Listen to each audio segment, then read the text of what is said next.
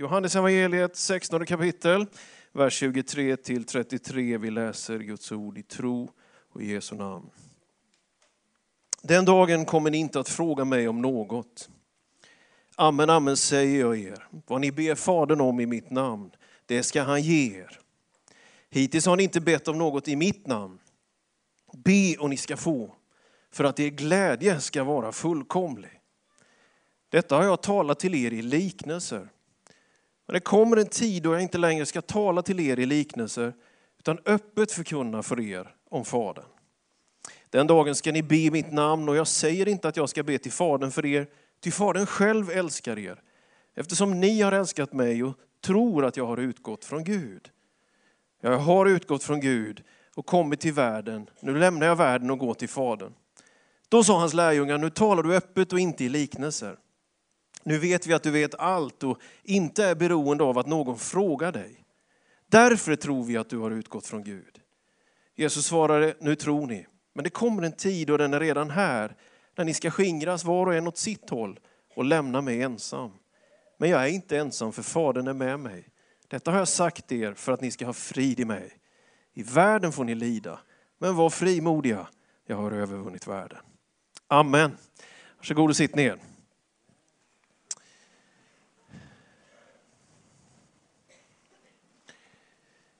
Varje gång som man eh, läser tidningen, lyssnar till nyheter, funderar över det som är tiden, nuet, situationen och så samtidigt den värld man själv så mycket älskar och lever i. Bibeln, kyrkan, förkunnelsen, de lyfta händerna. Så känner man ju att det är så lång distans emellan. Jag tror inte jag behöver vara någon jätte, tankeläsare utan kan säga rätt ut att det finns de här inne som bara just nu känner av det där. Mitt liv när jag är här och när jag är hemma eller när jag surfar runt eller när jag är på mitt jobb eller skolan, det är så annorlunda. Om du visste Daniel vilka tankar jag tänker när jag hör lovsången eller när jag kommer till en sån här byggnad. Det där otroliga liksom brottet inom oss, som handen på hjärtat finns hos oss alla. Vad gör det med oss? Ja, risken finns att det gör kyrkan till ett slags hycklande gäng som är välartade på söndagarna och som på något sätt döljer familjekonflikterna och spelar med i någon slags spel. Eller så gör det oss till rabiata åskådare, publiken som tycker att den där kunde de sjungit så eller han kunde ha predikat så eller varför gör inte kyrkan det? Och helt plötsligt är det någon skandal, någon har rest för mycket för kyrkans pengar. Och så skrivs det om det eller någonting. Och så stannar det kvar antingen i ett dike av frustration och uppgivenhet eller ironi och kaxighet. Men jag känner att när man läser evangelierna och lyssnar till tonen i det Jesus säger, så fångas det som verkligen är kärnan med evangeliet och det är ju på ett sätt det totala motsatsen till stegen att gå på så att man duger. Till att vara kunnig nog, lyckad nog, snygg nog. Den tro vi bär är det omvända tänkandet. Vet du, här får man högsta betyg först, sen börjar plugget. I Guds värld får man lön och betalning först, sen börjar jobbet. Evangeliet talar om att dö från sig själv för att sen leva. Det är det annorlunda riket verkligen. Det är det riket som inte växer med staket och med makt, utan med bord, med vin och bröd. Med en utsträckt hand, med självutgivande, med diakoni, med goda gärningar. Den miljö du kommer in i när du kommer till kyrkan, det är ett rum som faktiskt lyfter in evigheten i nuet. Som ifrågasätter att sätta sig själv först och sin egen kalender och att liksom vara distanserad. Som absolut kan inleda till faror och frestelser att bli någon slags hycklande kristen, absolut. Men det är ändå ett rum jag älskar så oerhört mycket. Detta att få be tillsammans. Detta att få vara med i en församling. Detta att få hålla söndagen som någonting lite unikt mitt i veckan. Att kanske ta på sig den där skjortan eller tröjan som man inte har alla andra dagar. Att få vara med om något annorlunda. Och Jesus han talar om en dag. Den dagen kommer ni inte att fråga mig om någonting. Det kommer komma en dag när alla frågetecken är borta. Lovat vara Herrens namn. Den kanske inte är här ännu, men det kommer en sån dag. Det kommer komma en dag när vi inte längre har en massa ifrågasättanden, en massa bitterhet och besvikelser. Det ligger en dag framför den kristna människan som jag ser fram emot. En dag när allt är i ett förklarat ljus. Man inte jämför sig med någon annan. Man inte frågar efter någonting, man inte försvarar någonting. Och den dagen kan du få smaka redan nu. Och vi smakar den i bönen. Vi smakar den i hans gemenskap. Den dagen inga frågor. Du vet att om du tar risken att be så kan ditt distanserade förhållningssätt till det mesta bytas i intimitet och närhet.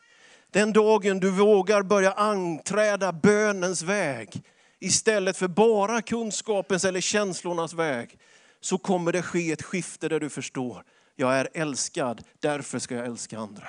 Jag försöker inte att älska så andra börjar älska mig. Jag är älskad, därför kan jag älska. Jag tjänar inte för att leva upp till normen. Jag tjänar för att det finns en Gud i ryggen, i bottenplattan utav det som är mitt liv. Och Det här är så svårt. Och när det kommer in till bönen så är det som att Jesus får lära sina lärjungar, det kommer en tid när ni ska få be och be i stor glädje. Bibeln talar ju om dagar som avgörande och viktiga. Skapelsens dagar är ju kanske ett jättetydligt sådant exempel. När Gud säger och någonting blir till. Din frälsningsdag är en sån dag. När du tar emot och blir ett Guds barn. När du låter döpa dig är en sån dag. Pingstdagen är en sån dag. När anden kommer och du får den där livgivaren, den där flamman, vattnet, vinden. Den dagen talar Jesus om. Det kommer en dag i den kyrkans historia men också i dess framtid. När allting på något sätt är förklarat, när allting på något sätt räcker. När man är nöjd, när man inte längre vill mer, när man inte längre suktar. Liksom.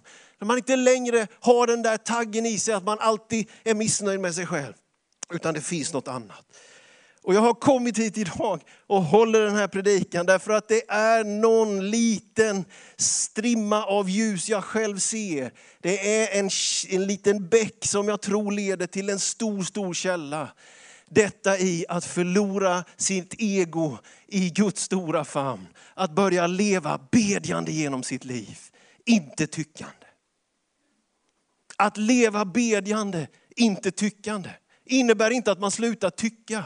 Men det innebär att man får ett annat fokus i sitt liv som är en grundplatta. Grundplattan är inte vad jag kan, utan att han vet allt. Grundplattan är inte att jag förstår allt, men han är visdom. Grundplattan är inte att jag har alla kloka tankar, men han ser allt i detta förklarade ljus. Oh, det där är någonting man får sänka axlarna. Man kan bli glad, man kan slappna av och man kan få leva i ett helt annat perspektiv. Du vet på 1930-talet, 1933, så var det en dansk författare, han skrev en bok som har blivit känd, väldigt känd. Inte på grund av sin titel, den heter En flykting korsar till sitt spår. Utan på grund av den stad han skriver om. Han skriver om en fiktiv stad i Danmark. Och den staden kallas för Jante. Och Jante är den plats där det är mekanismer som pågår, som hela tiden håller människor i schack. Får du en bibel av prästen så är det bäst att gömma undan Du ska ju inte förhäva dig och visa att du tycker om att läsa. Du får aldrig tycka att en solnedgång är vacker i staden Jante. Du får aldrig tänka att du själv skulle kunna utvecklas. Och så kommer det vi känner som jantelagen. Jantelagen, när han beskriver vad det är, det är ju ett system av ett slags inre slaveri som hålls vid liv inte bara för vad någon brukspatron gör, utan för att det inom människan finns dessa fruktansvärda tankar. Att jag inte är någonting, att jag inte duger någonting. Slaven och slavägaren eller slavdrivaren bor i samma hjärta. Det är det som är det fruktansvärda i Jante.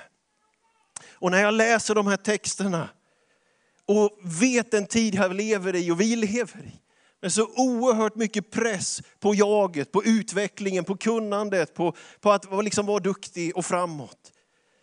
Och vet en kultur som pressar in i att det när kvällen kommer finns någon slags medborgarskap i staden Jante. Där slaven inte faktiskt är alla de där andra utan det är du själv. Så vill jag säga till dig, du har en annan identitet över ditt liv. Du är skapad för ett annat syfte, en annan frihet. Du tillhör Guds rike. Det finns en plats som är rotad liksom i något som håller. Genom hormonsvängningar, genom åsikter. Du kan be, inte i ditt namn och i din kunskap, utan den här texten säger, er glädje kommer att bli fullkomlig när ni börjar be i mitt namn, säger Jesus. Det är hela game changern i den kristna bönen. Inte vad vi kan formulera, utan att vi får del av vem han är. Vi ber inte i den och den kyrkofadern eller i det samfundet eller i vår egen liksom kraft och auktoritet. Vi är kopplade med en Gud som redan har gett all den himmelska världens andliga välsignelse till varje människa som vill ta emot utav detta. Lovad vare Herren. Tack Jesus att det inte är så att jag behöver be liksom så att jag får en massa välsignelser. Jag ber för att jag är välsignad. Det är inte så att bönen, liksom dynamiken och rytmen ska liksom matas utav, jag måste lyckas mer, jag måste få mer vänner. Om din bön är präglad av det där så är det egentligen bara ett uttryck att vi försöker på något sätt förhandliga eller göra det religiöst. Att spela med i det spelet som pågår där ute. Men det finns någonting annat. Jesus han visar det här. Ni kan be och upptäcka fullkomlig glädje. Ni kan be och ha en direktkontakt med Gud. Du behöver inte gå via andra. Och lärjungarna bara säger wow, nu talar du öppet. De förstår att när han är öppen så förstår de att när han talar ut det som är sant, då behöver vi inte längre vara de som sitter fast i slaveri. Denna berättelse om att vi kan be utifrån ett annat fokus ger en frihet i bönen. Så mitt råd till dig, det är faktiskt att sluta be med någon slags önskelista och ändå får vi göra våra önskningar kunniga. Men mitt råd till dig, det är att börja bönen i att förstå jag behöver inte jaga välsignelsen, jag är välsignad i Jesus Kristus. Jag behöver inte jaga belöningen, jag har redan fått den i frälsningens gåva. Jag behöver inte jaga välsignelsen av den helige ande, utan jag har redan fått den sedan pingstdagen. Jag får ta emot det. Förstår du, det är ett skifte, det är någonting helt annat. Det är ett fantastiskt liv att leva. Ska vi inte tro Gud om att jantelagen ska brytas över kristna i den här tiden? Över enskilda och i system och sammanhang. Det finns ett slaveriets ande som är ogudaktigt, som inte är vad Gud har tänkt för sitt folk. Det finns en annan frihet som du skulle kunna komma in i. Och be i Jesu namn är hela skillnaden. Det är där den fullkomliga glädjen finns. Inte Jesus som min springpojke, utan att jag blir påmind om att i honom finns lugnet och friden. I honom finns rikedomarna, i honom finns framtiden. I honom finns försoningen, i honom finns vägledningen. I honom finns mitt uppdrag och syfte med livet. Åh, det är en fantastisk frihet att leva med det perspektivet. Men vår, vår, vår, vår tidsanda och kultur den har ju predikat så mycket så att jag på något sätt vet hur det är i min egen själ. Hur svårt det är att ta till sig av detta. Hur svårt det är att på riktigt beröras utav hur stor Gud är och att dras med och förundras i lovprisningen och tacksamheten. Även många kristna har förlorat sin glädje i detta. Kanske du är en utav dem. Men jag tror att det skulle gå att återupptäcka detta. Att i förankringen så kommer en annan frihet. Och när du slutar be om den där materiella lyckan så kanske du kommer upptäcka att du blir materiellt välsignad. När du slutar att sukta och vara liksom otillfredsställd utan istället nöjd och tacksam för nåden, för försoningen, så får du ett annat säte och en annan frihet att tjäna. Martin Luther han talar om att synda inte åt varken vänster eller höger när du ber. Och den ena, det ena diket det handlar om att be i otro. Att när du ber inte ens tro att det är möjligt att det sker. Ungefär som han som skulle gå på vatten, stod på bryggan. Ni har hört, är du, är du frikyrkoförstörd har du hört den här många gånger. Men han stod på en brygga och så hade han ju läst att Jesus kunde gå på vatten så han tänkte jag ska väl testa. Och så står han på bryggan och tänker jag tror, jag tror, jag tror. Så ska han själv ta det där steget ut och gå på vatten. Det var väl säkert här på Mälaren någonstans. Och så när han går och kliver ut och så rätt ner på botten säger han, ja vad var det jag trodde, säger han. Alltså det finns någonting som är så förvridet i vårt tänkande runt bön. Att be i tro är att be utifrån vad som står i den här boken. Att be i tro är att be utifrån inte min liksom uppressade förmåga utan hans eviga styrka. Martin Luther varnar för att be i otro. Han varnar också för att be med Gud som en beställningspojk. Att fresta Gud och tala om exakt för Gud vad han ska göra. Nej, i bönen så fylls vi av tro, men vi fylls också av något böjt. Någonting lyssnande, någonting inkännande. Att få vara tillsammans där han bestämmer, inte vi. Och det är ju det här som är så impopulärt. Välkommen till kyrkan, ge upp din bestämmande rätt.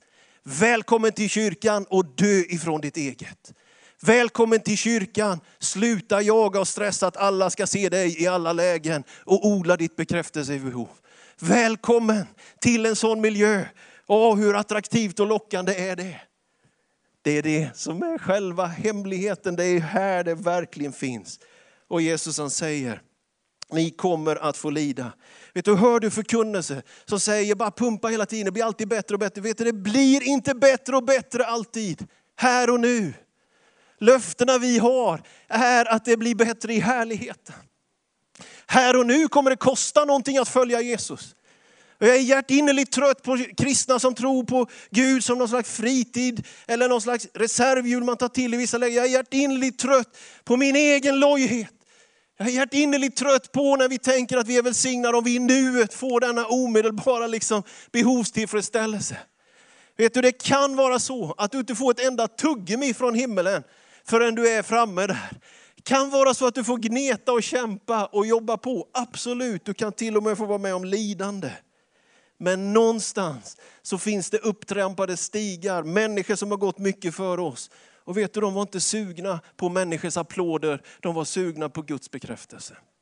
De var inte sugna på att få allt det där i nuet. De blickade mot en stad som ligger bortom det man har idag. Tänk vad lite vi tänker på evigheten. Är det därför vi inte bryr oss knappt om våra barn är frälsta eller inte? Tänk vad lite vi tänker på evigheten. Är det därför vi inte läser Bibeln med innerlighet som direktiv, utan lika väl jämställer nyheter och alla möjliga andra liksom informationskanaler vi har? Tänk vad lite vi bryr oss om evigheten. Men bönen i Jesu namn befriar egot och sätter fokus på evigheten. Och vet du vad som händer? I nuet är du fri. I nuet är det lugnt och du kan börja be i tro. Inte i otro och inte med Gud som din jojo utan följa honom i spåren. Börja be i Jesu namn. Välsignelsen är redan på plats. Amen.